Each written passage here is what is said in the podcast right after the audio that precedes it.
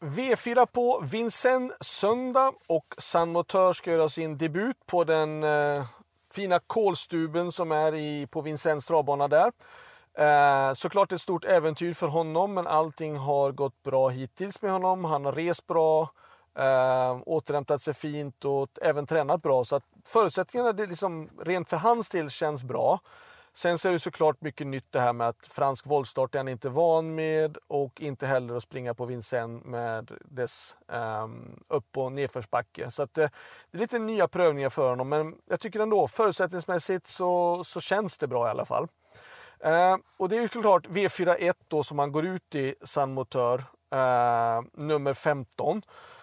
Franska tipsen tror inte mycket på honom. Han rankas som sjua i Paris Turf som är den mest respekterade renommerade tipstidningen i Frankrike. Eh, de tror ju på sina hemmaekipage väldigt mycket såklart och i och med att de inte heller har sett honom tävla på fransk mark så brukar de inte heller ranka upp utlänningar särskilt högt.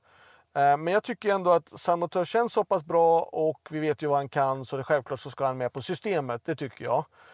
Eh, de jag tycker är värst emot. Eh, sju Hokkaido Gel vann senast men blev diskad för trängning. Det är en bra häst. Lite tveksam inställning sista 50 metrarna tycker jag har haft några gånger. Men det är en riktigt, riktigt bra häst som kan avsluta väldigt fort om man får den här rätta resan.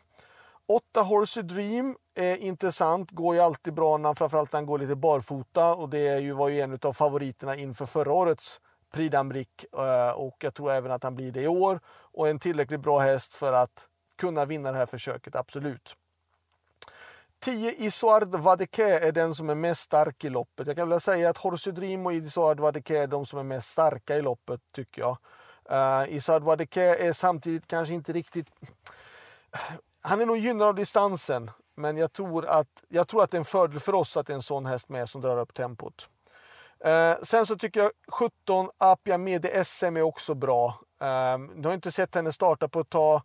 Men vi vet ändå vilken kapacitet de besitter. Och sen 18 Hooker Berry eh, är ju också en, var ju den som vann Prix förra året. Men Nicolas Basir kör honom.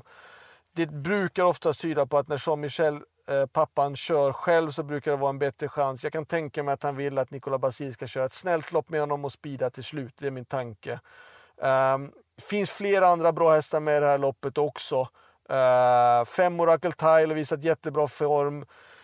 Basir själv kör ju 6 Ghana de Banville, 9 Hussard de Londré. Det finns bra hästar med i loppet. Det är absolut ingen given bra placering för San Motör om man ser det motståndsmässigt. De är bra hästarna. Eh, vi går till avdelning 2 istället och bästa hästen är 15 Canada de Belay. Eh, hon är utan tvekan den som är bäst i loppet.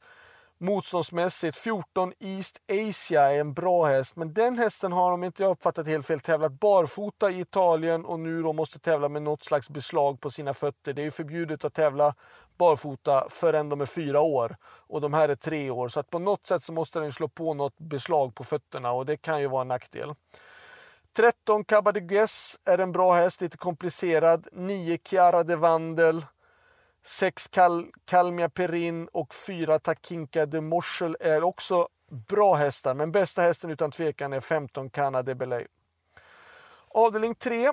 Jag tror normalt sett att det ska stå mellan någon av eh, Sebastian Garatos tränade hästar. 1 Diusac och 2 Inshot Josselin. De har ju de bra utgångslägen bakom bilen. Två bra hästar. Eh, det låter positivt. Jag tror att det, de, de kommer bli svåra att knäcka. Något man ska passa upp för i sådana fall är fyra Instinct Damm. Bondos hästar har gått jättebra på slutet och sen att Erik Raffin kör gör det hela ännu hetare. Så det ser jag upp som passa upp för i sådana fall. V44. Eh, 11 Cocktail Dudain har jag mött flera gånger i förra året, och, eller under det här året.